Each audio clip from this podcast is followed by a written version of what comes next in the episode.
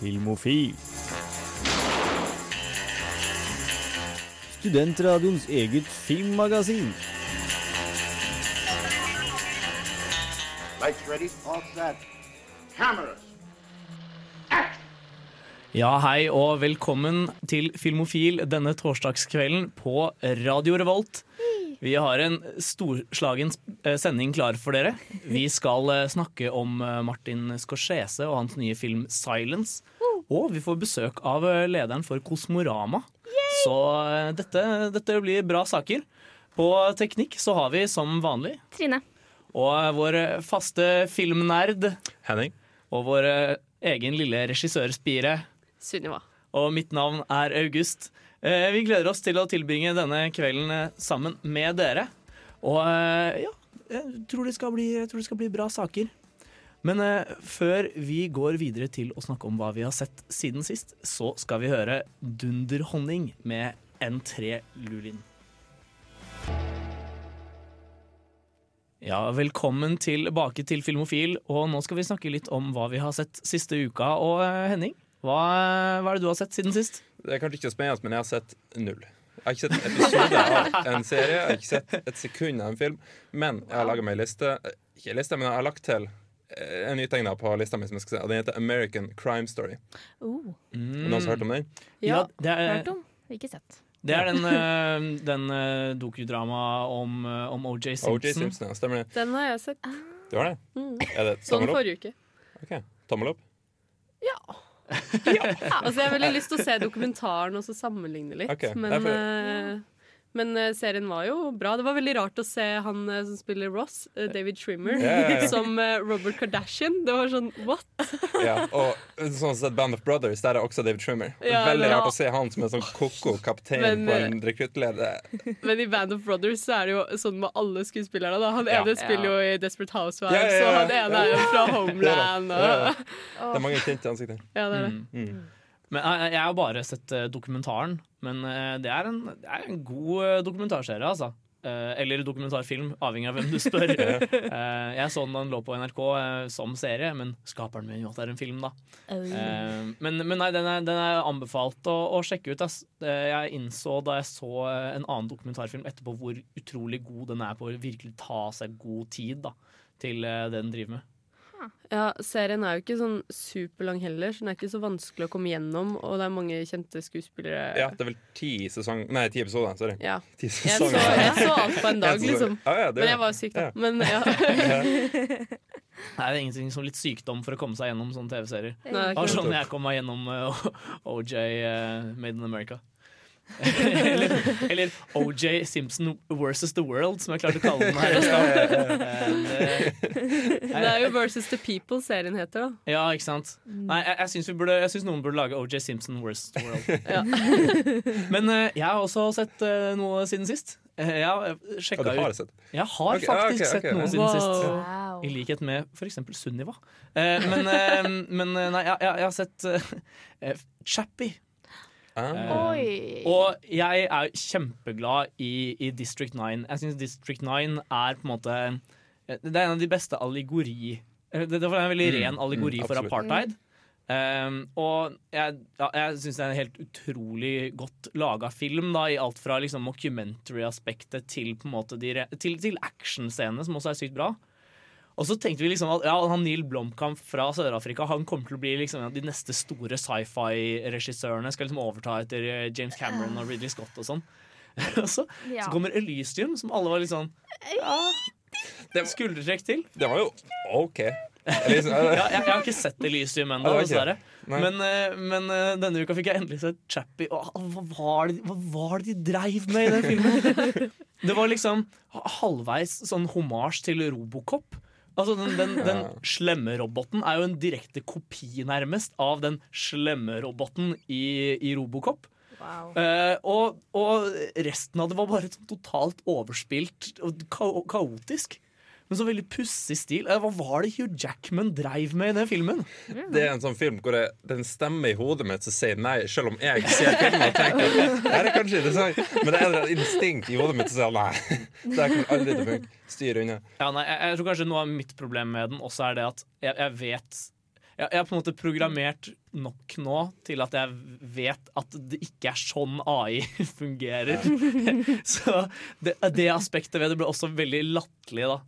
Men eh, ja, det, det er en film som er verdt å sjekke ut, I guess. Den, den, er, den, den, den, er, den er underholdende på sitt vis, men sykt latterlig.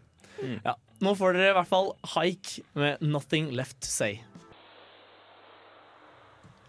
Ja, og her i Filmofil snakker vi fortsatt om hva vi har sett i det siste. Og Sunniva, hva, hva er det du har kikka på? Utover OJ-serien? Nei, altså, jeg var i København forrige uke, og man skulle jo tro at eh, Værnes kanskje hadde lært seg at det kommer snø om vinteren. Men det har de jo ikke, da. Så flyet var forsinka, og tog var forsinka, og alt var forsinka. Og da endte jeg med å se en del Oscar-filmer, da. Det var ganske gøy. Uh, sett uh, Hacksaw Ridge, Hell or High Water, Wolf of Wall Street, som er ganske aktuell for dagens sending, da. For så vidt. Yes. Hva, hva syns du om eh, de to førstnevnte? Eh, tja. Uh, jeg syns eh, Eller Axel Ridge likte jeg veldig godt, egentlig. Jeg syns det ble veldig sånn klisjé på starten. Det var sånn, sånn derre klissete Ja. sånn Pearl Harbor-feeling over det der kjærlighetsforholdet. Uh, så i starten så var jeg litt sånn uh. Men uh, utover filmen så likte jeg den veldig godt. Jeg syns krigsscenene var godt laget og bra skuespill. Nei, jeg, jeg kunne ikke vært mer enig i det. Ass. Den, den starten var så vanvittig klisjé. Ja. Det var liksom Altså, den, den var for så vidt ikke sånn dårlig klisjé. Eh, Det var, altså, den fikk til på en måte eh, Den gjorde alt den gjorde greit. Det var bare det at du sett akkurat den historien så sykt mange ganger før. Ja, Og den prøvde ikke å gjøre noe nytt. Og det var den derre den derre replikken sånn derre Promise me you won't die. Så sånn der, What?! Igjen? Gud. Men, men en, en, en liten sånn replikkveksling der jeg faktisk satte veldig pris på, det var den derre eh, de, de har nettopp vært på kino i starten av filmen.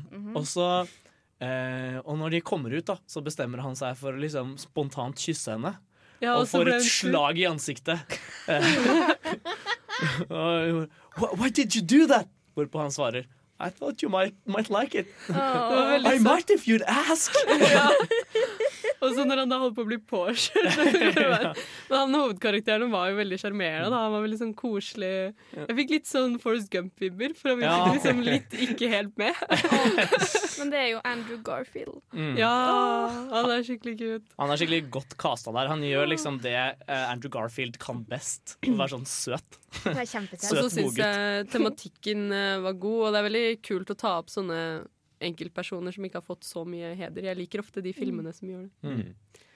Men eh, Trine, du har også kikka på ting i det siste. Ja, jeg har jo ikke sett så mye, da. Men eh, på søndagen så satt jeg i et bitte lite rom med sånn 17 andre på TV-studio på Dragvoll, og så Oscaren. Mm. Med, med red carpet, da. Det må jo til, da. Ja, vi satt liksom Det var, det var tre av oss som satt og bare liksom eh, ga terningkast Til Men det er så gøy å slakte de som ikke er fine. Oh Sånn yes, da! Det var så mye slakt. Men det var veldig morsomt å se Oscaren, da. For det er det andre året på rad nå at jeg gjør det på skolen med andre mennesker. Og Oscar er så mye mer morsommere å se når du er en stor gjeng som ser den. Ja, jeg pleide alltid å gjøre det på Eller alltid og alltid. Men jeg, jeg pleide å gjøre det de siste årene jeg gikk på videregående sammen med en, Ja. en gjeng av meg som gikk eh, medier og kommunikasjon. Og var litt sånn der, eh, som var litt, ja, De var litt hipstere, rett og slett. Trivelige folk, da. Men, men det, var, det var alltid veldig god stemning. Eh, og da, da hadde vi alltid Eller dukka alltid opp i starten av vinterferien vår. Ja. Og det var så praktisk. sånn Etter at jeg flytta hit, så har jeg ikke tid til å liksom, Jeg kan ikke Åh. bruke natt til mandag på å sitte og se på Oscar lenger. Altså, jeg har pleid å se det med en hel gjeng. Jeg har gått på folkehøyskole i to år, og liksom, der er det jo 20 stykker som sitter og ja, slakter kjolene og ler og har det veldig hyggelig. Og så i år så hadde jeg planlagt å ha Oscar-fest, og det hadde Ja. vært så gøy, men så satt jeg på nattoget fra Oslo da, på vei hjem fra København. Eh, for dårlig nett. Eh, så jeg så det aleine etterpå, og da var det sånn da var det skikkelig rart, fordi jeg ble plutselig mye mer rørt enn jeg pleier. Jeg grein sånn fire ganger. Ja, I løpet av Oscar. Og jeg grein et par ganger sjøl. Men det pleier jeg ikke når jeg ser det med venner, for da er det mer latteren som kommer frem. Da. Men så var det mye gråting. Ja, for jeg hørte at det er en spesiell eh, tale som er spesielt bra der. Ganske Ja. rørende. Det Det var var, det. det var Moonlight, var det ikke det? Nei. Det var eh, beste kvinnelige byrådet Fences var det. Ja, Fences Ja, med Viola Davis. Den var Ja. kjempebra. Mm. Da grein jeg. Jeg syns Jimmy Kimmel var overraskende morsom. Eller, ja, jeg digga Jimmy Kimmel. Han dro med et sånn stor busslass med turister inn på Oscar-utdelinga. Det, det kunne ha blitt jævlig kleint, men det var litt morsomt. Det var en som gikk bort til han Å gud, hva han heter for noe? Han fra Moonlight. Ja, ja, uh, Mars... Nei, hva var det igjen, da? Shit. Ah, ah, ah. Ali, Ali heter han. Ja, Ali. han. Og sånn bare, han, han, han ene turisten bare tok Oscaren hans og tok, tok selfie. Ja, og fikk, og fikk, og fikk Marsha, nei, Ali til å ta bilde for han med Oscaren hans. Det var så sært. Uh, og Kimmel hadde også sykt mange sånne der, Han var skikkelig frekk på noen av skuespillerne. Og jeg fikk litt sånn Det er sånn som de pleier å gjøre på Golden Globe, men holde seg litt mer eh, lave på på Oscaren. Mm. Og det var veldig gøy med liksom det derre jokesene med Matt Damon, og det der Ja. med Meryl Streep, hvor han hele tiden skulle ta opp at hun liksom var uh, overrated og sånn. Det sånn, den tingen med Matt Damon har jo pågått i flere år nå. Ja. Det er jo Men en feud de har hatt en dritlenge. Og det er bare sånn, han skal, Matt Damon står der med Ben Affleck og skal Det det presentere en pris. Og Jimmy Kimmel står nede med Oscar og holder på å spille den av. Ja, ja, og når de kommer inn på scenen, så sier han ja, her er Ben Affleck and a guest. Ja, enten, enten det, eller så sa han Matt Damon denne I jeg husker ikke. Ja. Nei, nei, nei, Matt Damon var gjesten, og så ble Matt Damon skikkelig fornærma. Og så når han da begynner å snakke, så tar han og spiller det av. Skikkelig bra. Litt vel mange Trump-vitser da for eh, min smak, men ja ja. Ja, det Veldig, må veldig jo mange, gå, da. Veldig mange Trump-vitser. Det var litt for mange. Og så daler det godteri og kjeks fra himmelen. Ja. Og så når de tok den Lion King med han eh, gutten fra Lion, det var så søtt. Og så dalte det godteriene samtidig. Det var veldig moro. Men ja, vi får mer om eh, Oscarene etter en aldri så liten låt. Her får dere Mastodon med 'Show Yourself'. Filmofil gir deg nyhender fra filmen og fjernsynets i spanende verden. Ja, og Henning, har du noen spennende nyheter for oss denne uka? Det har jeg absolutt. Det, det er mye å snakke om, spesielt Oscar, som måtte velge ut noe jeg, jeg følte var viktigst å ta opp. i hvert fall. Eh, med mindre du har bodd under en stein, så har du kanskje fått med deg den store fiaskoen. En I hvert fall en av de. Det eneste som har gått litt under radaren, som jeg skal snakke om, men den store selvfølgelig var uh, det, eh, Beste film. Beste film. Beste film. Beste film, sorry. Åh, herregud. Ja, det var kleint, ass. Hvor denne oppleseren fikk lappen for Best Leading Actress, Ja. var det vel. Hvor det står Emma Stone, La La Land, og han så den når han skulle lese opp Best Picture. Han så den og tenkte eh, Så han ser litt rundt og nøler. Så, ja, La La Land. Nei, han, han sa det ikke. Han viste konvolutten videre til Faye Dunaway, som bare sa La La Land.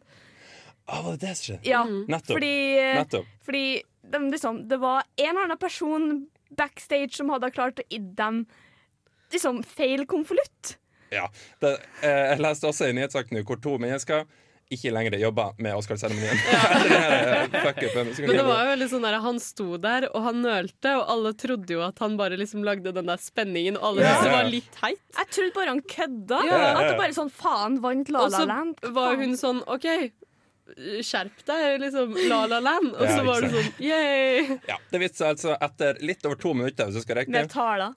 Metaler, ja, de kom opp, alle fikk hver sin Oscar, og det viste seg at nei, det var Moonlight som vant. Men jeg syns de tok det veldig bra, da. Jeg så, Ja. absolutt. jeg så, Herregud. Absolutt. jeg så fiaskoen før jeg så hele sendingen, og da tenkte jeg fy faen, så staged. For da det var liksom fra han så på den og nølte, da. Ja. Til eh, han andre kom og bare No, I'm not kidding, it's Moonlight, you guys won. yeah. Og da var det bare sånn OK, dette her var sykt staged, men jeg så hele greia, så var det bare sånn Det var jo ikke det. Nei. Og det virka som sånn La La Land-folka tok det skikkelig bra, da. Men bare, ja, det. jeg, syntes, jeg syntes veldig synd på Jimmy Kimmel akkurat da. Ja. For liksom, hva, hva skal han gjøre? Han, satt, han skulle tydeligvis avslutte showet blant publikum. Ved siden av Matt Damon. Han sa det på åpningsmonologen sin på nightshowet hans dagen etterpå. Bare, liksom bare Ja, hosten må begynne å fikse ting, og han sitter der bare Å, vent! Det er jeg som er host! Faen! Han sa jo det. I knew I'm, I was going to fuck up. Men, Nei, det var nok ikke Jimmy Kimmel sin feil, da, tydeligvis. Ja. Men som plass på såret, da, så vant de Var det ikke syv Seks? Seks, var det? Seks? Ja. De vant i hvert fall Best Performance by an Actress, som jeg vet er litt kontroversielt Nei, i det rommet hva? her. Det er flere som mener at den burde gått til uh, Natalie Portman! Natalie Portman. Der har du det. Eller Isabel, Isabel Huppé. Ja, For um, L. Nå har jeg, eller i hvert fall jeg ikke sett L. da Nei, ikke Eh, heller. Gleder meg skikkelig til å få sett den Ja. på kino kommende uke, forhåpentligvis. Fordi Emma Stone fortjente ikke å vinne for La La Land. Hun gjorde en bra jobb, ja, men hun kan liksom vokse så mye mer som en skuespillerinne til, liksom, for å vinne den. da. Mm. Det er litt sammen med Leo og Oscar i fjor. Han fortjente ikke akkurat den. Nei, det var jo en annen film han burde vunnet den for, liksom. Ikke det ble vunnet. Ja, Særlig med kvinner så har de en tendens til å gi eh, Oscaren til veldig Eller for, forholdsvis unge, unge damer som ikke har så mye erfaring. Man Må tenke på Jennifer Lawrence og Bree Larson i fjor. Altså det, Ja, det er ikke og det at de gjør Lupita Nyong'o. Ja, for den saks skyld. Det, det er ikke det at de spiller dårlig, det er mer det at liksom, eh, det, det ikke alltid føles som karrieren deres er på et sted hvor det er på en måte hvor de, hvor de helt har fått kudos nok til at de fortjener den æren. Og så har du Meryl Streep, da, som blir nominert tusen Ja, ganger ja, før hun vinner. Ja. Et par fun facts om uh, Moonlight sin nominasjon. Ja, seier, for den saks skyld. Uh, det var den filmen Den ligger på andreplass nå for lavest uh, gross, hva det heter, altså inntekt, Ja. Ja. eh, på visning. Eh, I tillegg til at eh, vinneren uh, Skal vi se, hva altså, det var Mahershala Ali, heter han. Han er faktisk første Ali. muslim som får en Oscar. Mm. Wow. Ja. Men det er også ganske er gøy. Det er ganske gøy i forhold til i fjor, da Fordi da var det jo ingen mørke nominerte. Og det var jo tidenes rage. Nei, det var vel to år siden det. det var, jeg tror det var noen det var, nei, det var i fjor, for det var ja. når uh, uh, Holsten var uh, hardt. Nei, Ja. jeg mener Jo, stå, kanskje det var det. Chris Nei, Rock. da, da var det, Chris det, Rock det, er det. var, Det er noe med Stein, i hvert fall. Men det var andre året på rad det ikke ikke ja. var nominert noe eh, Men uh, i år, på grunn av filmer som Moonlight, så var det bare dritmye. Ja, ja, ja. Massevis. Du, du, overkompenserte litt. Har du noe mer Oscar-nytt for oss, eller? Ja, ikke så mye direkte, men jeg kan jo si litt av de andre som vant. Kan du Da. bare komme til mannlige Det kan vi gjøre. Det Hva med applaus actor. nummer to, da? Ja, applaus nummer to. Jeg vet kanskje litt mer om den, Trine. Nei, kan vi holde oss til den? Jeg vil bare jeg vil, Ok, ok, ok, vi kan gå rett til Best Actor, Casey Affleck, Manchester by the Sea. Yes! Og Trine er fornøyd? Ja, jeg er kjempefornøyd for Casey Affleck i den filmen er top notch. Jeg vet at det har vært så mye kontroversielle ting liksom, med at han vant den fordi han mishandler kona si og um, sexskandale og alt. Og Brie Larsen, stakkars, var ikke så veldig glad for å gi han den Oscaren. Men jeg er storfornøyd, for han fortjener faen meg den prisen. Uh, altså, Nå har ikke jeg sett Manchester by the Sea, da. Men uh, sånn generelt så liker jeg Casey Affleck så mye bedre enn Ben Affleck. Og det er litt, jo, men som skuespiller, liksom. Ja. Eh, og, men det er jo Ben Affleck som får all oppmerksomheten, Ja. liksom. Gullbarnet. Jeg, jeg, jeg syns Ben Affleck er mye mer spennende som regissør enn Ja, som, enn som enig. skuespiller. Ja, kanskje. Ja, jo, jo, men sånn, hvis du ser på sånn tingene han har vært med på å lage istedenfor det han har spilt i, sånn uh, Good Will Hunting, Ja. Gone Baby Gone Det er jo mye morsommere, det. Ja, det, er- det er noe med det. Han er, han er en han er spennende, spennende filmskaper, men ikke en så spennende skuespiller. Ja. Men uh, nå skal vi, blir det snart en liten pause, og før det skal vi høre Foxygen med On uh, Lankerheim. For et program i burra med både klasse og stil. Du hører på Filmofil. Ja, og her på Filmofil så har vi flere Oscar-nyheter for dere. Det er i hvert fall noe å snakke om. Det var som sagt en fiasko nummer to. Ikke nok med den helt sinnssyke feilen som ble gjort. Men, men Trine, du vet mer om det her enn meg. Uh, nei, det var jeg vet mer. Ja, du vet mer. Også, Ja, nei, det var jo uh, under memorium-delen. Uh, Fordi eh, de har jo sånn hvert år at de viser stjerne, stjernene Eller de i filmbransjen som har dødd det siste året, da. Åh, det de gjør vondt. Og Og først vil jeg bare si at jeg syns det er utrolig at de ikke tok med han som spiller Snape. Ja, men han, han døde død før Oscaren i fjor, oh, ja. så han var med da. Og han var det, ja. Ja, ok, For jeg ble litt fornærma. Ja, men, men liksom, hvis du dør før Oscaren, Ja. så blir du gjerne tatt med på den Oscaren. Så hvis Mm. han hadde dødd i To Ja. uker senere, liksom. Så. Ja, okay. så hadde hun blitt med på Skjønner. den her. Men eh, ja, og for det andre, da, når de viste opp eh, bildene av disse som hadde dødd, så klarte de å ha et bilde av en som satt i salen eh, fullt levende. Ja. Uh, det er ganske feil, det òg, da. Hun ble helt sjokkert, for det var egentlig venninna hennes som hadde dødd. Så de hadde, tatt, de hadde skulle, brukt et bilde fra en minnestund, tror jeg det var, for hun som hadde dødd. Og så hadde de klart å ta nei. bilde av hun venninna, da. Åh. Var det nylig? At hun jenta, Um, den venninna Jeg tror det var hadde eh, rett, altså sånn litt før jul, høst. Jeg er ikke 100 oh, sikker på når, men det var, okay. det var ikke helt sånn rykende fersk, tror jeg. Nei, okay. Men det er jo uansett utrolig trist for familien til hun som hadde dødd. Og hun venninna som sitter der og plutselig ser et kjempesvært bilde av seg selv Wow. på den skjermen og står at hun døde.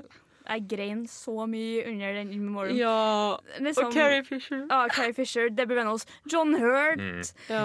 han Elton Elton Det var veldig mange, Alan Rickman, veldig mange Nei. Alan Rickman var jo han som døde. Ja, ja, ja, nei, ja, Men. Elton, Elton. Å, han er med i Star Trek. Æh!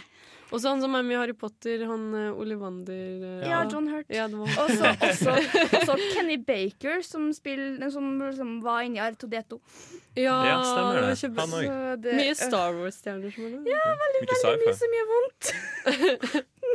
jeg blir alltid skikkelig Mye Star, i hvert trist fall. når det dør sånne svære Eller sånn som jeg er så fan av. Da. Det var helt jævlig i fjor. Jeg satt jo og grein en evighet. Jeg satt jo full og grein også jeg, når Debbie Reynolds og Carrie Fisher døde. Eh, David Bowie Ja. Du sa særlig i fjor. Ja, for det var så mange som døde i fjor. David Bowie, Ah, du tenker på Prince 2016? Nei, Ja, det trodde du snakket om 2016. 2015. Eh, 2016. Altså George Martin. Ja, bare når Ja, eh, Just Michael. Ja, han òg. Ja. men sånn rett, Herre. Rett før nyttår, så når Carrie Fisher og alle døde, så satt jeg bare og håpet på at Paul McCartney skulle overleve til over nyttår. Liksom. La han overleve. Ja, vær så snill, ikke drep han. Ah, nei, det, det, var et, det, var, det var mye død i 2016. Det Altså. var det. Altfor mye. Mm. Jep. Men det var jo noen andre, noen andre priser som jeg i hvert fall føler er verdt å diskutere litt. grann. Suicide Squad, Ja. please. Ah, Eh, Suicide Squad. Det var ikke den jeg hadde tenkt å ta opp. Men Eh, eh, den er verdt å ta Den er verdt å diskutere. Hallo! Ja, men den vant beste hår og makeup, gjorde den ikke det? og altså, Wolfman-remaken har også vunnet den prisen. Ja. Jeg, jeg, sy- jeg syns ikke vi Den er skal ikke så stor, altså- den prisen, da. Det er vel en av de svakeste Oscar-prisene, for å si det sånn. Så Ja, hvis det det var en ting de måtte Altså- vinne, så var det vel den, kanskje. Den er jo ikke så svak at den ikke er med på den uh, TV-sendingen av Oscar, da, for det er jo noen Nei. av prisene som ikke er det engang. mm. Men uh, Ja, det- Jeg syns kanskje Original Song er den latterligste uh, av, av prisene generelt. Men det jeg hadde lyst til å snakke om, var beste animasjonsfilm. ja. ja. For det er jo ikke til å stikke under en stein at vi her i Filmofil er veldig glad i Kubo and Ja. the Two Strings. Og for all del, Zootopia er en herlig film, men, Men hallo, det, det, er jo, det er jo en Disney-film. Den ser jo ut som alle andre Ja. Disney-filmer. Altså Um, sånn nylige Disney-filmer. Det er jo ikke noe spesielt ved den, liksom. Det var jo ikke derfor den vant. Den vant av den problemstillinga filmen tar opp. Ja, Men det har jo ikke noe med animasjonen å gjøre. Nei, men de liksom, jeg tror ikke de, de, ikke, de ser ikke på animasjonen. Nei, det tror ikke jeg heller. De ser heller på historien og ting rundt det. Og Kubo, Når de vinner for beste animasjon, så Men- burde de jo se på ja, men sånn, Kubo er ikke like sterk i historiedelen som uh, Zootopia er. Zootopia tar opp litt mer viktige problemer. I beg to differ. Ah. Uh, for, altså, Kubo and the Two Strings er best. Alle må se den. Jeg er enig med August. Men, ja, alle må eh, se den, den er dritbra, men hallo. Men ja. Eh, nå skal vi snart få besøk fra Kosmorama, men før det skal vi høre Lumikide med 'Explorers and Destroyers'. Ja, velkommen tilbake til eh, Filmofil denne torsdagskvelden. Og nå har vi fått eh, storfint besøk i eh, studio av Silje Engenes, leder for Kosmorama. Eh, Takk for at du tok deg tiden til å komme. Skulle bare mangle. Kjempehyggelig å være her igjen. Ja, for Det begynner å nærme seg festivalen med stormskritt nå. Det gjør det. Vi føler at vi er litt i stormens midte akkurat nå. Det er virkelig sånn et litt stille punkt, og så dreier det seg sakte opp. Og så fra mandag så er det liksom full fart, da. Mm. Døgnet rundt. Ja. Ja, for eh, Kosmorama er jo eh, Trondheims eh, største filmfestival. Har du lyst til å bare fortelle litt kjapt hva, hva det innebærer? Ja, det er jo Trondheims største filmfestival, og en av de største festivalene i Trøndelag, uansett sjanger. Det syns vi er gøy. Eh, I fjor så hadde vi litt over 22 000 besøkende, så vi satser på å nå mer enn det i år også. Ja, det, Film til stadig flere. Det er gøy. ja, Man må jo bare høyne ambisjonsnivået. Absolutt. Så um, vi har startet, uh, tjuvstarta litt denne uka her med å ha uh, 2000 elever fra 7. klasse til å se NTNU-filmen 'Utbyrd'. Ja, ja Det var en Ok. lokal produksjon eh, som kom for et par år siden. Ja, det stemmer det. Det var noen som gjorde det som masteroppgaven sin på NTNU. Og Ja. det har vært veldig suksess, da. Selv om sånne sjuendeklassinger de er gode til å skremme opp hverandre òg. Så det var liksom hyling i salen fra før filmen hadde starta, og så noen litt bekymra foreldre etterpå som lurte på hva vi hadde utsatt barna for. Men film er jo følelser, så det er jo en god introduksjon til det. Ja, jeg tror det faktisk er veldig lurt å vise barn litt sånn eh, sjangerfilmer når man først skal eh, ha film i skolen. da. For eh, ja, når man ender opp med å vise dem eh, en eller annen eh, europeisk kunstfilm, så blir de ofte eh, Det er ikke ofte de sitter igjen med så mye. Eh, så jeg, jeg støtter det tiltaket veldig. Det var Men- hyggelig å. Men vi er så vidt inne på hva slags filmer dere skal, dere skal ha med. Hvilke, hvilke programmer kan vi, kan vi se på Kosmorama dette året? Ja, Kosmorama er jo en eh, reise jorda rundt på 80 filmer, så vi har jo mange programserier. Vi har delt opp i åtte serier da, for å få litt oversikten. Jeg skal ikke ramse opp alle her nå. Men noe av det som, eh, som peker seg ut, er jo f.eks. at vi har mye finsk film, fordi at eh, Finland er 100 år i år. Oi. Og Finland, til å være en ung nasjon, så er det en fantastisk filmnasjon. Så det vil vise seg både i at vi viser noen av klassikerne. Vi skal vise um, um, Salmer fra saunaen. Nei, den heter ikke akkurat det, men eh, åh, nå fikk jeg jo jernteppe. Men vi skal vise noen av de beste gamle klassikerne fra finsk film. Mm. Vi skal vise 'Harens år', som jeg gleder meg veldig til. For det er, det er spennende. ja, den er jo basert på Arto Pasolina sin roman av samme navn. Eh, en av mine favoritter. Eh, og så skal vi ha nye finske filmer som 'Little Wing' og, og 'Den lykkeligste dagen i livet til Olli Mekki'. Ja. Og det- dere har jo også en del faste programmer som jeg antar kommer til å gå til som vanlig. New Directors og, og slikt. Ja, det er jo konkurranseprogrammet vårt, og vi er utrolig stolte over årets konkurranseprogram. Vi har em, 50-50 av mannlige og kvinnelige regissører. Oi. Det fortjener nesten en liten applaus. Det vil jeg si. det gjør så bra. Det, det ikke så bra. Eh, Det er jo ganske uvanlig. Altså, det var jo nylig en dokumentar om, eh, om Oscar og Hollywood som viste at 4% av de som får eh, Oscar, det er kvinner. Altså, Ja. ja. Så det er en vei å gå. Men da er New Directors et veldig bra sted. Og vi har jo mange kule filmer i New Directors. Vi skal jo ha norgespremiere på Sameblod. Ja. Ja. Det er jo en film på sørsamisk og svensk. Eh, og den har jo rasket med seg absolutt alt av fantastiske eh, priser på sin vei. Eh, hun som spiller hovedrollen, hun er jo et naturtalent av en skuespiller. Og vi, de vant også Golden Dragon Awards i Stockholm, som, nei, unnskyld, i Göteborg, som er den største filmprisen du kan vinne. Så nå har regissøren fått én million kroner til å begynne på en ny film, så vi gleder oss allerede til å ha premiere på den en annen gang. Ja, Det er jo et par eh, filmer jeg ser eh, litt ekstra fram til, for jeg er veldig interessert i, eh, i filmfestivalen i Cannes og de filmene som kommer ut derfra. Og det er jo første anledning for å få sett noen av de i, i Trondheim nå. Blant annet eh, 'Kammerpiken' av Park Chan-wook. Ja, den merker vi når vi sier at den skal vi ha, så går det et sånt eh, drag gjennom lufta. Ja. Sånn, åh. Ja, det er jo en eh, Hva skal man si? En voldsballade og en eh, Ja, det er mye, veldig mye spennende i den filmen, så, så det tror jeg blir en av høydepunktene i år, helt klart. Ja, det er mange som sier at det er Park Chan-wook sin beste film siden, siden Oldboy, og ja, det, det sier ikke så lite. Eh, dere skal vel også ha premiere på Darden-brødrene sin eh, nye film, den eh, 'Kvinne ukjent'. Ja, den er det Ola hos oss som har sett før, og han er utrolig god til å gjenfortelle filmer. Så jeg føler jo nesten at jeg har sett den, men allikevel så gleder jeg meg utrolig mye til å se den. Den høres veldig spennende ut. Altså, det, det, dere, har, eh, dere har et eh, omfattende program. Eh, også, eh, også på barnefilm så ser det så, så, så veldig morsomt ut dette året. For dere, dere skal ha robottema, var det sånn å forstå? Vi skal det, vet du. Du må jo starte med det indre barnet i deg sjøl. Spørre hva syns vi er gøy? Jo, robotfilmer. Og det er kjempegøy. Det gir jo gjenklang både hos eh, foreldregenerasjonen og ungene. Eh, vi skal vise noen av de her fine robotklassikerne. 'Gutten og jernkjempen'. Ja, Åh, jeg gleder meg sånn Ja. til det. Wally skal vi ha på storskjermen. Um, og vi skal også ha 3D-printa pannekaker. Det er ganske kult, altså. Det er en oppfinner i Drammen som ble inspirert av ungene sine til å lage 3D-printere for pannekaker. De smaker helt sikkert ekstra godt. Ja. Men bare sånn for å oppsummere. Eh, har du tre filmer alle som skal på Kosmorama burde få med seg i løpet av neste uke? Jeg har selvfølgelig 80, men tre av dem. Det er eh, Kjempen, som er åpningsfilmen vår. Helt fantastisk film. Det er en sår feel good. Det er ikke bare happy ending, men den er veldig fin. Så vil jeg si In Between, om eh, tre jenter som bor sammen i Tel Aviv. Det får deg til å tenke litt nytt rundt eh, hvordan det er å eh, vokse opp i, eller leve i Palestina og Israel i dag. Så vil jeg si at det er gøy å henge på Duck Lounge og se filmen om hvordan elektronikabølgen i Norge vokste seg stor. Og det kan du nyte en øl til også. Oh. Og ja, det er en venninne av meg som eh, er med. Og det, hun, er, hun er med. Og sa bare sånn For dere som liker øl, dra på det her. Så vi har fått mange varme anbefalinger der, altså. Eh, tusen takk for at eh, du tok deg tiden til å eh, komme, Silje. Det har vært en glede å ha deg på besøk.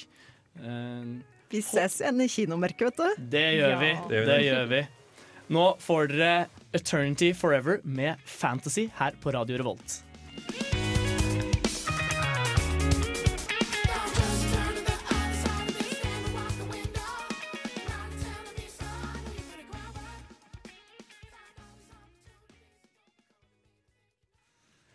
Ja, eh, takk til eh, Silje Engnes fra Kosmorama der, altså. Hvis dere har lyst til å høre mer fra Kosmorama, så er det bare å tune inn for nesten helg i eh, morgen. Ja. For de skal også få besøk av han som er, eh, av han som er eh, programansvarlig, faktisk. Oi. Så det, det blir nok også bra. Det blir moro. Men nå skal vi bevege oss mer inn i temadelen av Ja. vår sending. For Trine, du har vært og sett en film. Ja, jeg har vært og sett den nye Scorsese-filmen. Som Det er dritkult. Det er min 20. anmeldelse på lufta.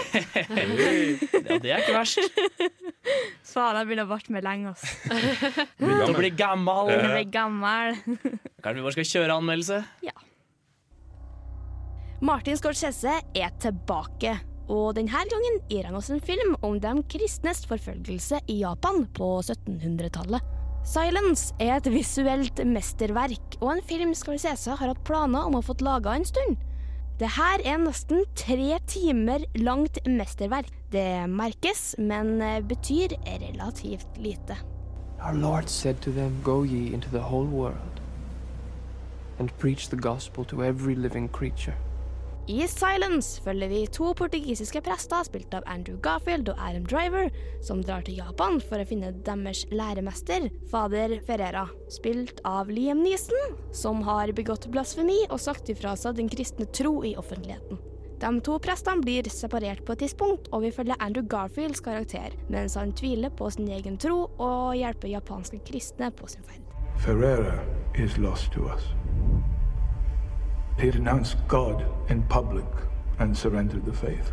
That's not possible. Filmen går en fin balansegang mellom å være kristen propaganda og ikke. Det fungerer noenlunde, og sjøl om du er religiøs eller ikke, ender du opp med en ubehagelig følelse for hvordan japanerne behandla kristne og prester på denne tida. Father Ferreira risked his life to spread our faith all over Japan.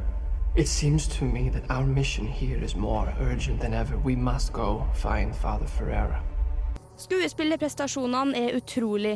Andrew Garfield gjør kanskje sin beste rolle siden The Social Network i 2010. Adam Driver fortsetter å imponere i valget av roller. Og begge de her to holder på en noenlunde portugisisk aksent i løpet av filmen. Den eneste jeg stussa litt over, var Liam Neeson som eh, fader Ferreira. Han eh, minner meg mest om Quaigon Qui-Gon Jinn fra Star Wars enn noe annet. Han holdt virkelig på den britiske aksenten sin, som eh, ikke ga helt mening, når han egentlig skal være portugisisk. This is in your hearts, and both of you. Then I must trust God has put it down. The moment you set foot in that country, you step into high danger. Det som stjal filmen, var den utrolige cinematografien. Grossese vet virkelig hvordan man skal sette sammen et shot. Japan ser helt nydelig ut, men det ligger en viss uhygge bak bildene som blir der til filmen slutter. Det eneste dårlige jeg kan si, er kanskje at den har en del punkter der filmen dabber litt av. Det er tross alt en film på nesten tre timer, men det virker som om Scorsese endelig fikk oppfylt drømmen sin om å få lagd den filmen. The price for your glory is their suffering. Silence er et visuelt mesterverk på nesten tre timer som griper deg fra første bilde. Er du en Scorsese-fan, er dette en film du definitivt vil få med deg. Så eh, det var, en, eh, det var en hit, altså. Ja, men det er ingen Ikke se den kvart over ni på morgenen. det er det eneste jeg kan si. Fordi eh, pressevisninga var litt vel tidlig Mm. denne gangen her. Det egner seg bedre som en helaftens. Ja, det er egentlig det. Det er jo, som jeg sier, det er jo en nesten tre timer lang film. Og du merker det hvis du er litt trøtt. Og de eh, øyeblikkene det går litt nedover, så Mm. Så går det nedover. Ja, for, men, men som sånn eh, eh, I og med at dette var hans liksom, drømmeprosjekt som han hadde jobba Ja. med siden 90-tallet, syns du den på en måte levde opp til det stempelet? Han fikk i alle fall eh, budskapet sitt fram, i alle fall. Du merker at uh, han vokste opp katolsk. Ja. For å si det sånn. Det, det, en, sånn hele slutten er litt sånn Hei, la oss putte kirka langt ned i harsen på deg. det vil du gjøre. Det er jo litt morsomt, fordi han eh, skulle jo egentlig bli eh, katolsk prest. Mhm. Og så hoppa han over til filmstudiet. Ja, nei, eh, noen tar brå overganger her i livet. Veldig, uh. veldig rart sånn Jeg skal velge mellom å bli katolsk prest eller filmregissør, men eh, Han har vel en Unnskyld. Ja, han, har, han har vel en bachelor i kommunikasjon, hvis jeg ikke tar helt feil. Wow. Dere leste det? Han har, har veksla litt. Men i alle fall, de, det er faktisk japanske skuespillere som er med i filmen. Det er veldig fint. Ja, Det ser jeg for meg eh, hjelper mye til på stemninga. Det er i alle fall ikke whitewashing. Takk Gud. Men eh, blir det veldig kontrast da mellom de som faktisk er japanske, og de som da har britisk aksent, eller? Ja, det, er, det er bare Liam Neeson som har en britisk aksent. Jeg så bare Quaigon Jin. Han har plutselig langt hår og hestehale. Jeg satt der og bare hmm, OK. det her um. det, er ikke, det er ikke det. Men det er liksom, når du først skal være portugisisk, så kan du jo gjerne ha prøve på en aksent, i alle fall. Har han samme garderobe òg, kanskje, som Quaigan Gin? Nesten. Ja, nesten. kan se for meg Prestekåpa kan minne litt hvis du har hår og skjegg i tillegg. Ja. Au. Men uh, Silence er en, uh, er en anbefaling Ja, det når det det, kommer altså. til stykket. Den er pen å se på. Ja, den er veldig verdt å få med seg. Ja. Så uh, nok en, eh, nok en anbefaling her fra Filmofil denne torsdagskvelden. Her får dere hvitmalt gjerde med Utenfor. Hvitmalt gjerde der, altså, med Utenfor. Uh, og vi uh, snakker jo uh, som nevnt om Scorsese denne sendingen. Og um, Henning, kan ikke du fortelle oss litt om uh, mannen? Jo, jeg kan gi litt av innføring i Martin Charles Scorsese. Jeg måtte faktisk finne YouTube-video. Det akkurat det jeg tenkte når du sa Scorsese jeg skal, nå. Jeg skal ikke rette noe på å si det Scorsese på norsk, eller Scorsese. Men jeg skal med hodet heva si Scorsese. For det er det han sier. Eh, I hvert fall. Martin Scorsese er født i 1942. Han jobber fortsatt. Det er imponerende at det- er vel 75 år gammel og fortsatt aktiv. Ja. Ja. Ja, og det er liksom ikke sånn at han har begynt å ta det med ro med åra. Nei, nei, overhodet ikke. Absolutt ikke. Uh, han er fra Little Italy i New York, noe man merker i filmene sine. Kanskje den filmen her er et lite unntak. Silence. Ja, det, det, det. Det er ikke så mye bitte lite. Nei, det er ikke så mye Manhattan-dialekt i den. kampen. Nei. Ikke Det blir liksom Yakuzaen plutselig er med i, i Silence. Det hadde vært noe. som uh, barn jeg og eh, Sunniva satt og researcha han litt i stad, og da fant vi Det sto skrevet han var et sykelig barn. Ja, det var litt sånn fæl eh, ting å si. Det sto 'sykelig barn som, som derfor tilbrakte mesteparten av sin tid foran uh, TV-apparatet. Ja, ja, ja. Ja, Jeg ser for meg en sånn gutt, liten, spinkel gutt med tjukke briller sitter foran TV. Tidenes nerd, liksom, med astma og greier. Ja, det var nettopp det, for det var astma som var grunnen. Og da forestiller jeg meg at han sitter med sånn maske. Ganske komisk bilde. For han ser jo ikke sånn ut nå. Han ser jo ikke sykelig ut i det hele tatt. Nei, nei, nei. Han er en høyt respektert uh, regissør som uh, ja, høres ikke helt sånn ut her, akkurat. Vi flirer. Dyp respekt for han. altså. Han er en av mine Ja. favorittregissører. Er Helt enig. Han ville bli prest, som du sa. Mm. Uh, men han studerte i kommunikasjon og tidligere Nei, unnskyld, senere i film. Mm. til Master. Eh, foreldrene var skuespillere, eh, og eh, han ga ut sin første film i 67, hvis jeg ikke tar helt feil. Og tittelen på den filmen er enten I Call First Nei, I'll Call Nei, I Call Who- First. Who knocks on my door? Nettopp. Det er den, jo. Men jeg har hatt to titler. Så hvordan som kom Ja. først, det har jeg ikke funnet ut av. Men det er titler på den filmen der. Det er i hvert fall hans første film. Uh, han er den regissøren i livet i dag som har fått flest Oscar-nominasjoner. Selv om han bare har vunnet én for beste regissør. Ja, det er helt utrolig at han bare har vunnet den. jeg tror han har vært så nært syv ganger. Og så en gang så klarte han det. Det er trist, for det er gode filmer altså, som blir Mm. nominert. Det er det. Det, det spørs jo liksom hva som blir nominert, da. For det er liksom det, Jeg kan se for meg at en del liksom, av det som blir tatt opp i hans filmer, som Oscar-komiteen bare ikke har lyst til at skal vinne. Kanskje det. Og det spørs litt hva de har vært opp mot, da. Ja, jeg syns eksempel The Wolf of Wall Street var en av de beste filmene som kom ut det året. Ja. Men eh, den, den satte til gjengjeld eh, rekord for flest antall fucks eh, i, Ja, ja. En, i en fiksjonsfilm noensinne. Den eneste filmen som har flere fucks enn eh, The Wolf of Wall Street, er en dokumentar om ordet fuck. Eh, så de, de, de banner mye, og de er mye ganske hardt påvirka av ymse stoffer. Eh, og, og det er sånn typisk Oscar-komiteen, eh, eller ak akademiet, ikke liker så godt.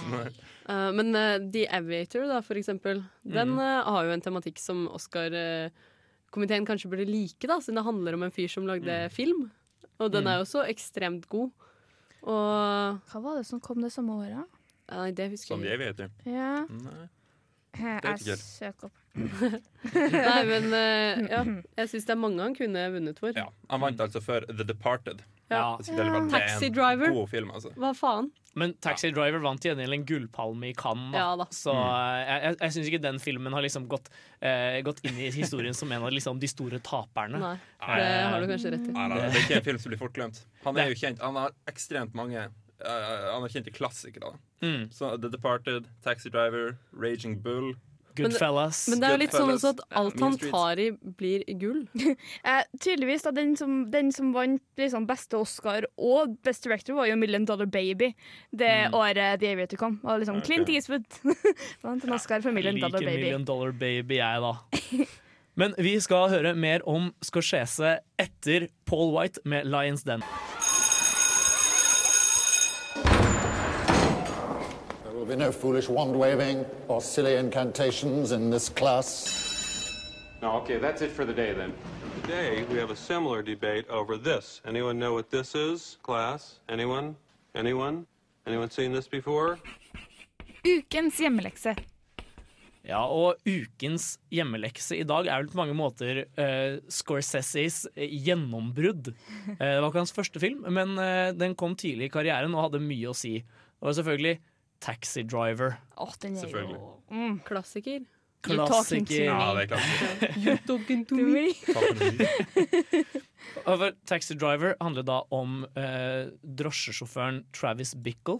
Ja. Som kjører rundt i New York nattestid og ser på all dritten. Fordi han Eh, ikke kan sove. Han får, ja. han får ikke til å sove. Og han snakker om hvordan han liksom eh, håper det en dag vil komme et stort regnskyll som skal fei skylle all dritten ut av gatene.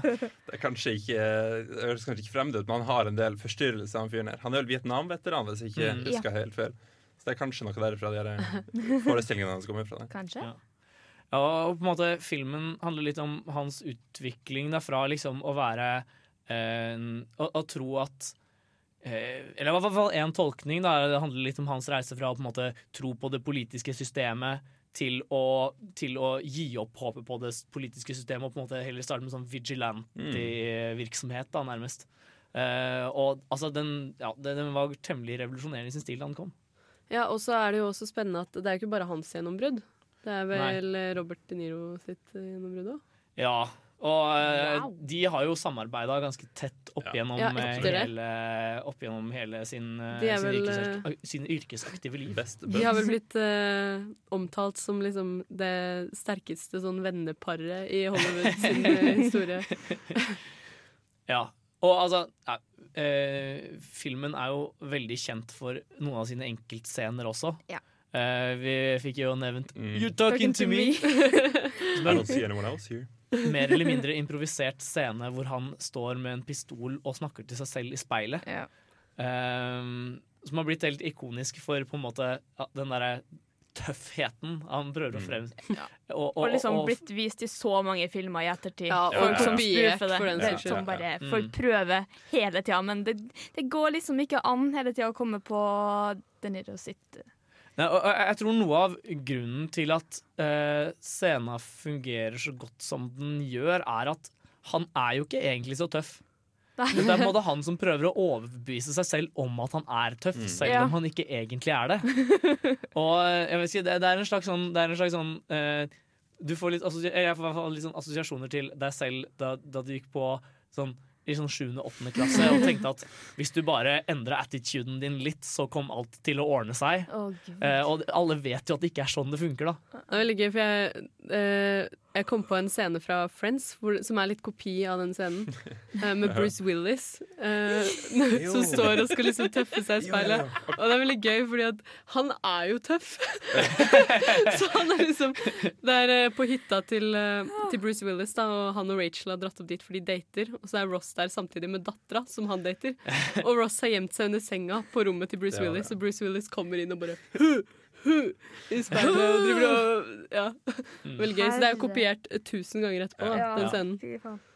Eh, det, det er en av de mest på en måte refererte Eller eh, tilrefererte filmscenene noensinne, vil jeg tro. Det er vel eh, gjennombruddet til eh, Jodie Foster også. Ja. Ja.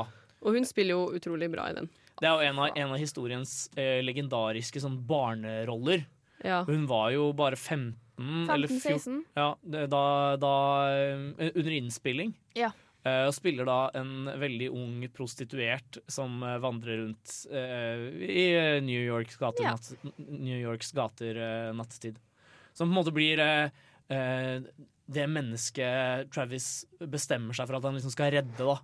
Um, og på en måte den voldsspiralen det, det ender opp med å utløse. Men kan hun reddes? Ja, ikke sant. Um, men ja, det er, det, er en, det er en helt vanvittig rolleprestasjon. Hun ser Ja. Eller hun, hun virker som en veldig mye eldre skuespiller som skal spille 15-åring. Ja. Det det det, det er noe av det som fascinerer meg med akkurat den, den rolletolkningen. Jeg, jeg, jeg husker jeg først så den tenkte jeg ja, men hun var jo ikke så ung, da. Og så leste jeg om det og tenkte oi, shit. Så, er 15 år gammel. Men hun, altså det er veldig sånn ikonisk rolle for henne. da Det er Mm. liksom Det er to sånne barneroller som jeg husker skikkelig godt. Og det er jo henne, og så er det Natalie Portman i uh, Leon the Professional. Ja. Mm. Ja, og Drew Barrymore i ET, da. Ja! Og Leonardo DiCaprio i Gilbert Grape. Og Kristen Stewart, hva er det hun spiller? Um, Panic Room. Room. Panic Room. ja. oh, ja, den har jeg ikke sett. Det er mer Jodie Foster. Ja, det er det. Jeg sa det. It's full circle! Yes.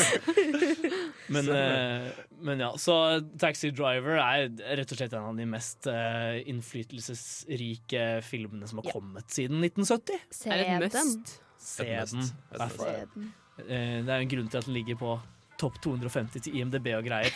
Og er vi tilbake på topp. Jeg er glad i IMDb, OK? Men ja, nå skal vi høre en aldri så liten låt. Vi skal høre Iffy Orbit med Let It Go.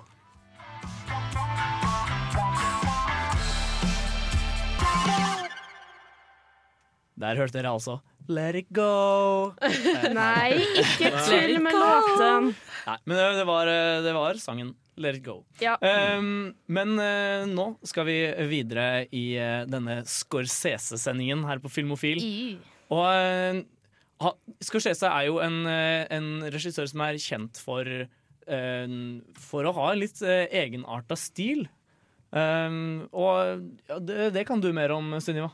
Eh, ja, jeg kan jo det. Uh, han eh, ikke helt, det er ikke så særegen, da. Du har jo folk som er Altså Tarantino og Wes Anderson, hvor Ja. folk bare Å ja! Sånn stil. Tim men, eh, ja, Tim Burton, ja. Nei, men han har jo det, da. Mm. Bare ligger litt mer skjult. Eh, men han var jo en del av New Hollywood-bølgen, Mm. kan man vel si. Eh, sammen med Spielberg og Lucas. Ja, det var eh, liksom den første gruppen med regissører som hadde gått på filmskole. Ja, Det er litt rart å tenke på at det er så kort siden, egentlig. Men han har jo holdt seg utrolig godt også, da. Han Ja. har jo holdt på i sykt mange år. Det- Eh, men eh, ja, han eh, har jo noen sånne særtrekk, da. Eh, han eh, har jo utrolig sånn Klippestilen hans, for eksempel, er jo veldig Mm. særegen. eh, mye av lyd eh, Han bruker mye sånn eh, Ja, eller Henning. Vi? Nei, eh, skal snakke om annet? Eh, jeg tror at tematikken i veldig mange av filmene altså, Ja, går den er- igjen. den er jeg veldig- ja. Little Little, ikke sant? Hele New York-greia går igjen i veldig Mm. mange filmer. Det kommer vi tilbake til senere i sendingen, faktisk. Oh, ja. Så det er bare å bli her på Filmofil. Det med katolske prester Ja, ja, ja, går jo igjen som bare Det er veldig mye sånn fra barndommen hans. da Du Ja. merker det i Aviator også. Sånn Mm. sykelig barn. Eh, Nei, men eh, det med lyden, da. Det syns jeg er ganske kult. Fordi jeg leste litt om det i stad, og jeg har egentlig ikke lagt merke til det før, det før jeg leste det. Men han bruker veldig mye sånn diegetisk lyd, hvor eh, de som Altså karakterene i filmene eller seriene hører den samme lyden som du gjør. da Så hvis Mm. det er musikk, så er det liksom spilt på radioen deres, Mm. eller på Det syns jeg i hvert fall var den morsomste liksom sånn særegne Det får vi tenke på i scenen i The Departed, hvor de løper fra politiet, er det vel? Det kommer vi også tilbake til senere i sendingen. Alt henger sammen, det. Ja. Det må jeg si, han har gått bort fra veldig mange av sine sånn særtegn i silence. For silence um, er veldig, veldig stille. Men sånn, jeg syns, jeg syns ikke at han har sånn overordnet stil, men han er veldig flink til å holde stilen innenfor den filmen han lager, da. Mm. Og det gjør jo eh, at spenningen blir veldig bra oppbygd Mm. og ja. Sånn for eksempel da, Aviator, utrolig kul lyssetting, og hele filmen liksom Mm. har en stil, og Hugo Mm. har jo Åh. også helt utrolig bra sånn stil over filmen, da. Ja, der, der ser du en, en regissør som skal lage barnefilm, som faktisk blir en sånn ikke sånn BFG som Steven Ja, Spielberg ja. går og lager, men det blir litt sånn Det blir en helt fantastisk Magisk, bare sånn, eh, åh, film. Fy faen, Hugo. Det var, faktisk, det var faktisk den første filmen vi eh, så i filmhistoriefaget mitt på, eh, på Høgskolen Lillehammer. Oi. Eh, Fordi den, eh, den handler om tidlig filmhistorie, rett og slett. Ja, George. George Méliès. Georges Méliès. Ja, den er utrolig trist om hvordan han Mm. liksom har forsvunnet. Og sånn. ja. Ja. Men han har jo det også. Det at han lager om folk som har lagd film. Aviator Ja. er jo også om det. Mm. Så det er jo også en tematikk i seg selv. Da. Nei, det, det jeg kanskje syns er aller mest karakteristisk for, uh, for hans stil Det er riktignok ikke, gjelder riktignok ikke alle filmene hans, men uh, han har en, et slags sånn energinivå Ja. eh, som, som stammer mye fra det du nevnte med at klippestilen hans er litt spesiell. Eh, som gjør at på en måte Bare tenk på The Wolf of Wall Street, da, som er Ja, ja. tre timer lang, men som allikevel på en måte har energinivå oppe hele veien. Eh, det er, det er eh, ikke alle som får til det. Mm. Eh, men ja. Eh, ja, altså det er jo litt det, da. Han har ikke alle filmene hans har ikke lik stil, sånn som Tim Burton eller Wes Anderson, men han har ofte to-tre da, som har veldig lik tematikk og veldig lik, eh, lik stil på seg. da. ja. Nei, og um, uh, For, Nå- Fikk du jernteppel? Ja, jeg, jeg datt litt ut nå. Men uh, uh, hva skal man si? Han eh, Han er en av de største, da. Det kan Det- man jo trygt si. Og det er en grunn til det, for all del. Det, Så det er det. han har jo en eh, god stil. Mm. Ja, og som sagt, Du blir ikke den, øh, den mest Oscar-nominerte levende regissøren uten å lage gode filmer. Nei. Det, Jeg hadde sagt han er en fin stil, men kanskje ikke så prominent og så gjenkjennelig. Det er mer sånn at du den er litt Ja, du ser kjennetegn, rett og slett. Mens med Ja. Wes Anderson for eksempel, så er det veldig tydelig. Du ser en Wes Anderson-film, så Du veit at det er Wes Wes Anderson, liksom. ja, ja. Men eh, en annen sånn morsom stilting, sånn som det med lyden, det er jo Mm. det der med at han ofte bruker musikere eh, i Ja. sånne små biroller. Ja, ja. Og så Det har han jo gjort i sånn alle filmene sine. Sånn Ja, eh. Mark Wahlberg eh, som Marky Mark, sånn lenge etter at han sluttet som rapper. Har han i sånn birolle og ja, veldig mye artister da, som får sånne småroller. Ja, altså eh, Mark Wahlberg sin eh, rolle i The Departed ble jo Oscar-nominert, faktisk. Så Mhm. det, det er mye Mye uh, Han har klart å få mye bra ut av de folka også. Mm, jeg vil ikke kalle det en birolle, som du sa. Altså, for han, altså, det var en av de karakterene jeg likte veldig godt i den filmen. der Ja. Selv om han ikke har så mange scener. Og etter at han sluttet å liksom alltid ha med De Niro, så har han jo begynt å ha med, alltid ha med Leonardo DiCaprio. Ja. Det er også ja. ganske gøy. Det er også et vellykket samarbeid. Ja, jeg, jeg sier ikke nei takk. Nei, nei, nei. Heller mer av det, takk. Eh, ja.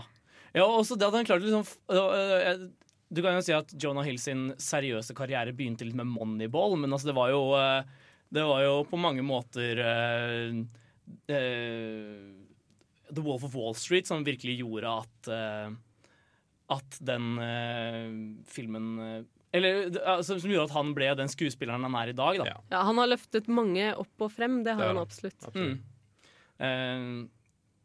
Eh, Så, Joe Pesci han har vel spilt en del i, uh, i uh, Martin Scorsese sine filmer, har han ikke det? Eh, jo. Joe Pesci blant annet i uh, Goodfellas. Goodfellas, Goodfellas. Det er også en av, en av de mest historiske gangsterrollene gjennom tidene. Joe Pesci sin. Eh, ja, ak akkurat, akkurat den i Goodfellas. Den uh, Hele den derre 'You think I'm funny'. Ja. Scenen Ja. har jo, har jo gått scene, inn altså. i historien. Men han har jo også det med karakterene sine. Da. De Mm. er veldig ofte sånn som eh, Det er også et sånn stiltegn, da, men eh, veldig mange av eh, hovedkarakterene hans har jo på en måte noe underlig... Eh, hvordan skal jeg forklare det? Henning, du eh, skjønner hva jeg mener? mener. Altså, jeg, mener. jeg vet ikke helt hva jeg forstår hva du mener, men Men det der med Ja, at de, de har en mening, men det er noe mer Ambiguøs. Ja, ja, det var det vi snakket om ja. Det er litt- Ja, det er sant. Mange av filmene er litt ambiguøse, da, som vi Ja. diskuterte i stad.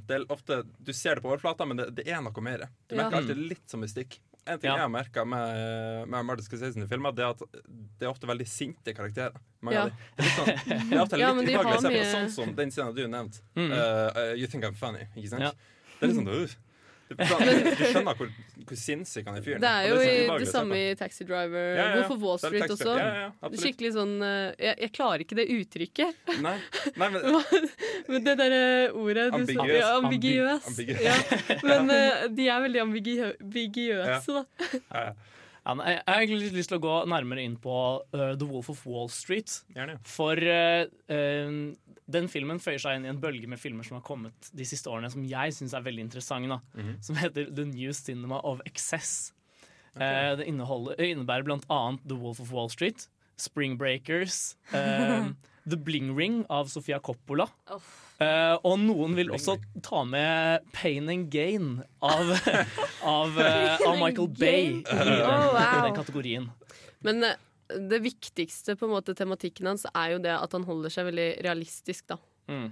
Det er jo Veldig mange av filmene handler jo om historier fra liksom, det virkelige liv. Det er ikke sånn derre Det er jo kanskje det som gjør han annerledes enn Wes Anderson og Tim Burton og Tarantino, hvor det er veldig sånn derre Konstruerte ja, virkeligheter. plutselig så Mm. sprenger et hode, mm, eller alle går i rosa, eller altså Ja.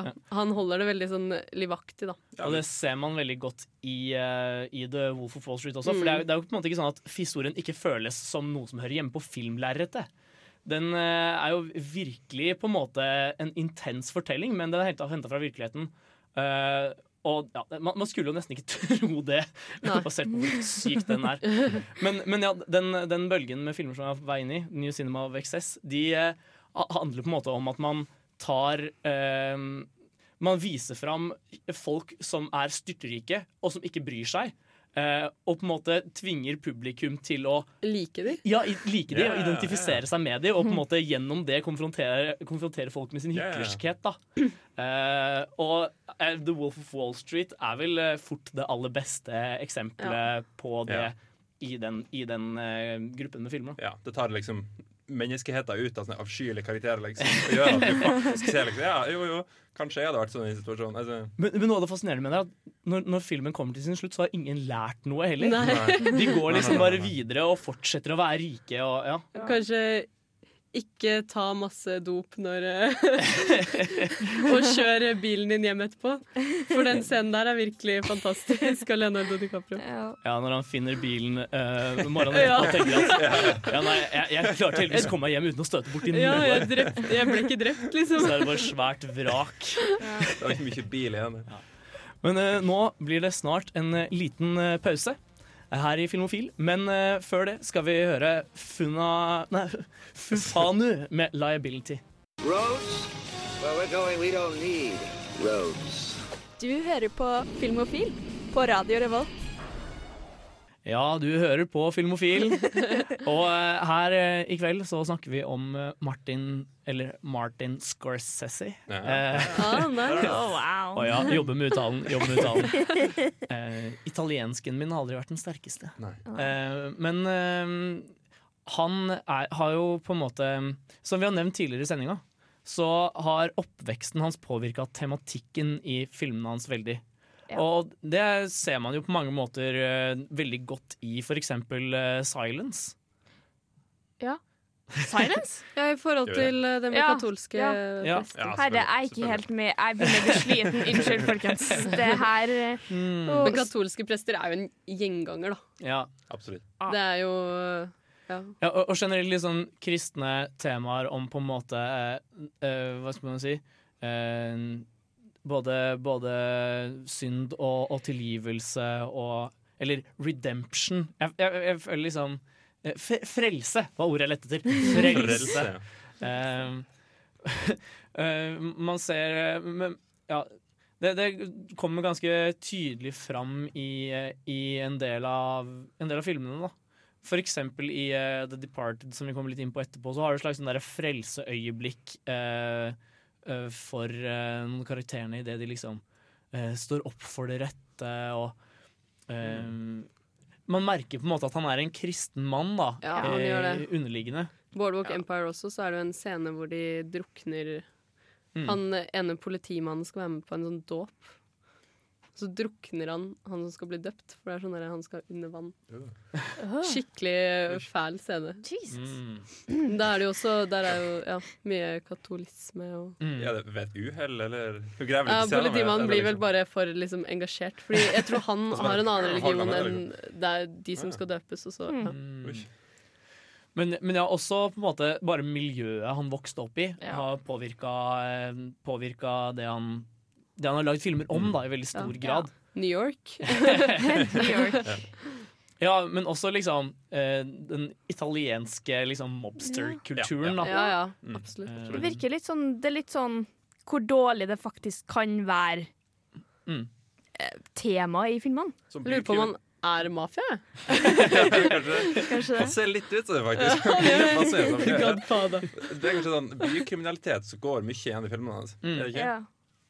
Det, det gjør det. Mm. Uh, selv, i, uh, selv i The Departed, som på en måte er eh, ja, Som vel er med irer, da, primært sett. Ikke Ja. så mange italienere. Ja, Så er det fortsatt veldig den der bykriminalitet. Mm. Ja. Nei, de er, det er i Boston, faktisk. Det er sant, det. Det er det, ja. Det er Selvfølgelig. Boston. Selvfølgelig. Men, uh, Fordi Matt Damon.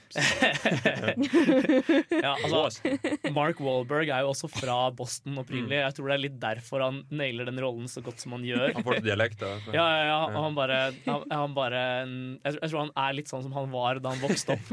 Ja, men han har litt shady bakgrunn, har han ikke det? Han, har Ja, en kriminell bakgrunn. Jeg så et helt herlig intervju med han hvor, han hvor han unnskyldte seg overfor naboen som han hadde stjålet bilen til hele tiden. Ja, stemmer. Syntes det var skikkelig gøy å kunne spille noen som var på andre sida da. Liksom, eh, lovens lange arm. eh, i- Men nå har han jo begynt å produsere vann, av alle ting. Pro- Produsere vann? Ja. Når jeg var i, når jeg var i LA i fjor, så fikk jeg skulle kjøpe sånn vitaminvann. Mark Og da var det Mark Wahlberg-vann. Ja. Det smakte faktisk ekstra godt, da, så jeg vil gjerne anbefale Mark Wahlberg-vann. Ja, nice. Da har vi en anbefaling der på Mark Wahlberg-vann fra, fra Sunniva. Nå skal vi høre Animal Collective med Kinda Bunkers. Late one, Sam. Det er jo alltid å ha musikk når den er påtent. Helst noe indisk eller pakistansk. Ukas filmlåt. Ja, og eh, ukas filmlåt denne uka er eh, fra The Departed. Det er 'Shipping Up to Boston'. Den eh, dukker opp hele to ganger i løpet av filmen. Først i scena scenen der, der godeste Leo har blitt eh, fengslet for å på en måte få hans um, um, jobb som undercover-politi til å virke troverdig. Uh. Um, men deretter, i en helt herlig scene, uh, når vi nærmer oss filmens uh, klimaks, kan man vel si, hvor det, Jackie Nicholson sin karakter, som er gangsterbossen, er skal dra til et sted og motta en eller annen uh, ladning med noe, uh, noe dop eller et eller annet shady. Eh, og politiet er på er og skygger han. Og Matt Damon må prøve å Eller står i midten, da. Om må prøve å overbevise politiet for gangsterbossen og, og, og droppe halen. Og på et tidspunkt så roper Jack Nicholson i telefonen at han må bli kvitt de jævla bilene. Og idet stopper musikken. og det er, det er så, det er, så det er, det er liksom Apropos det, det vi snakket om tidligere, med at eh, i filmene hans er typisk dieg Eller eh, musikken er veldig nærme det diagetiske universet, da. Ja. Um, det blir veldig tydelig der når plutselig, når plutselig skuespillerne Eller karakterene kan påvirke selv den ikke-diegetiske musikken. Og jeg tenker vi rett og slett bare kan spille av 'Shipping Up to Boston'. En litt eh, spennende avslutning på låta der, altså. Er det noen som bare feila helt? Vanskelig å si. Vanskelig å si. Men uh, nå skal vi snakke litt om våre skal vi se, si, favoritter. Og uh, jeg tenker vi kan begynne med deg, Sunniva. Ja, eh, det er jo jævlig vanskelig å velge. For det er litt sånn altså, Hvorfor Wall Street, Aviator, uh, Shutter Island Alle med Leonardo DiCaprio, selvfølgelig. Men uh, jeg tenkte egentlig å dra frem Boardwalk Empire, fordi at det, den er lagt litt i skyggen, da, og det syns jeg den ofte blir. Det er veldig sånn I forhold til hvor bra den serien er, så er det altfor få som ser på den. Jeg har ikke, jeg har ikke sett den. Den er litt, litt treig. Det er liksom litt sånn vanskelig å komme inn i, men det er utrolig visuelt pent å se på, og det er uh, utrolig kul story. Det handler jo om eh, eh, når det var forbudt med alkohol Mm. i, i USA. Uh, og eh, nå husker jeg ikke hva han heter, han skuespilleren. Steve Buscemi. Ja, takk. Eh, han han starter jo da å smugle sprit. Eh, Ja, ulovlig.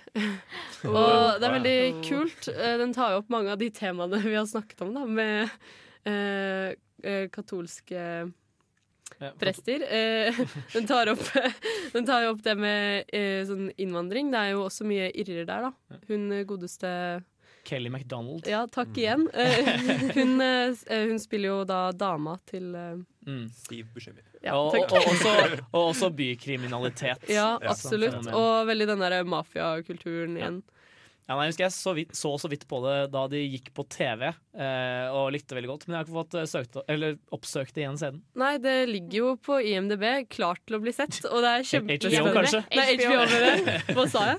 IMDb. IMDb. Nei, jeg mente Det HBO. der Eh, litt surrete her. Men eh, ja, ja. Det er eh, utrolig bra serie. Og han er jo Han har bare regissert én episode, da, men han er produsent for serien. Da. Henning, hva er din favoritt? Det er vanskelig å si, som sagt, men eh, jeg tror jeg må gå for Shutter Island. Ja, Ja, leste- den er jo fantastisk. Det er litt spesielt god for meg, for jeg leste boka da jeg gikk på ungdomsskole. Det er en bok. Originalt, faktisk. Uh, Coveret på boka var coveret på filmen. Altså. boka er printa etter filmen. Kanskje det fikk en boost etter filmen kom ut. Sikkert. Men um, ja, eh, jeg liker veldig godt eh, Leonardo DiCaprio sin eh, karakter der. Og de har holdt seg ganske godt til boka Mm. i historien. Godt nok, vil jeg si. i hvert fall. Eh, en liten uh, kommentar til uh, det med Boardwalk Empire, da. Mm. For det er jo noe Scorsese, eller Scorsese, ofte gjør. Han Det der med å liksom holde seg sånn til virkelighetshistorier, og det gjelder jo adopsjon også, sånn som Shutter Mm. Island. Mm. At han klarer å fremstille på en måte virkelige hendelser. da. For Ja. i Boardwalk Empire så er jo veldig mange av karakterene ekte folk, og mye av hendelsene er jo faktisk ekte. Trine, hva er din favoritt? Jeg sliter sånn imellom to. Hvilke to Hvilke er det? Goodfellas og Hugo Cabray. Hugo Litt forskjellige filmer. Ja, det er veldig forskjellige filmer, faktisk. Men det er liksom eh, Hugo er så visuelt nydelig, og det er bare det er så godt casta med han eh, godeste Asa Butterfield. Uh, ja, det òg, men det er ikke han jeg Han tenker fra Han fra Boy in the Stripe Ben, ben Kingsley som uh, godeste Melie. Den, Mm. sånn, den, er så, den er så nydelig, den er så fin. Og så er det Goodfellas, da, som bare er mm, helt magisk. Elsker den. Hugo er jo også så sykt sånn sår historie. Ja. Det der med liksom en stjerne som har blitt glemt, da. Lagt i skyggen. Og. Kan jeg få nevne en liten ting det du sa? Eh, Når du nevner Goodfellas, så kom jeg til å tenke på det, det du sa om uh, at på slutten av Jeg husker ikke hvordan skal vi si filmen du nevnte, men en film hvor på slutten så fant de ut at ingen har lært noe. Og det er et godt eksempel. Goodfellas. Ja, han, eh, ingen har lært noe. Han, han lærte ingenting. Han svekta alle verdiene sine. Mm. Han fengsla vennene sine, og så, og så får han et drittliv, liksom. Ja, men det er jo det samme i, i, Boardwalk- nei, Wolf of Wall Street. Ja. Altså, Hugo er jo også basert på en bok. Mm. Ja. En veldig fin billedbok med litt tekst. Den er så fin, den! Alt er så fint. Nei, jeg, min, eh, min favoritt har vi jo snakka litt om eh, allerede. Det er The, Departed. Mm. Eh, jeg husker jeg så den og bare Oi, shit, dette er, dette er en av favorittfilmene mine. Eh, bare med Ja. en gang. jeg visste det. Eh, jeg, jeg skal ikke spoile avslutninga, men måten de nøster opp i alle de løse trådene i slutten av den filmen, er så bra. Ja. Eh, Rolletolkningen er helt herlig. Både Leo og Matt Damon. Eh, Vera Farmiga er, jeg, jeg er veldig fan av henne. Eh, så det er en, eh, det er en eh, film som er verdt å sjekke ut, ass. Han er jo også veldig god på plot twists. ja. Veldig godt. Men en ting jeg liker ja, ja, det er jo absolutt En ting jeg liker veldig godt med The Party, Det er at det er en sånn film som går på TV ganske ofte. Det var faktisk flere sånne først, Ja. Den har jeg sett sikkert tre ganger på TV. Ja, men da må du jo ha alle altså. reklamepausene, da. Må det, dessverre. Det, men ja, det er en, en det er en film eh, som har høy nok intensitet til at man kan leve med et par reklamepauser òg. Absolutt. Den, eh, Den gjør så godt på TV. Et par det spørs om det du ser den på TV3. Det skal, det skal mye reklamefilmer til for å ødelegge den filmen. her altså. Ja, det er noe med det. Mm. Men nå skal vi høre All Them Witches med Alabaster.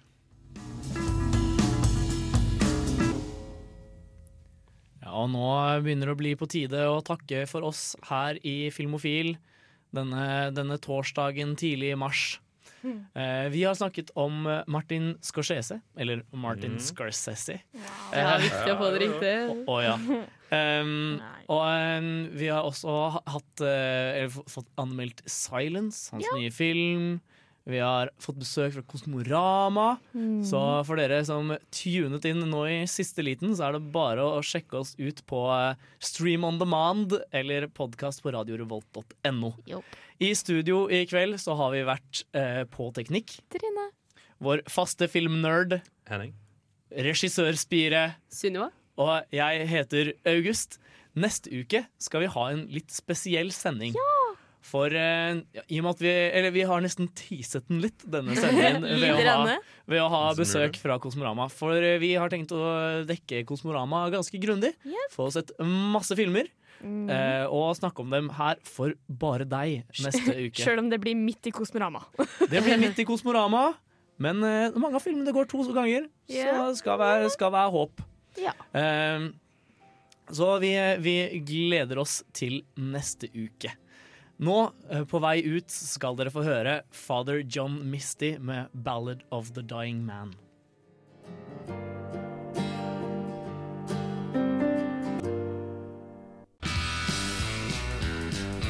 Du lyttet nettopp til en podkast fra Radio Revolt.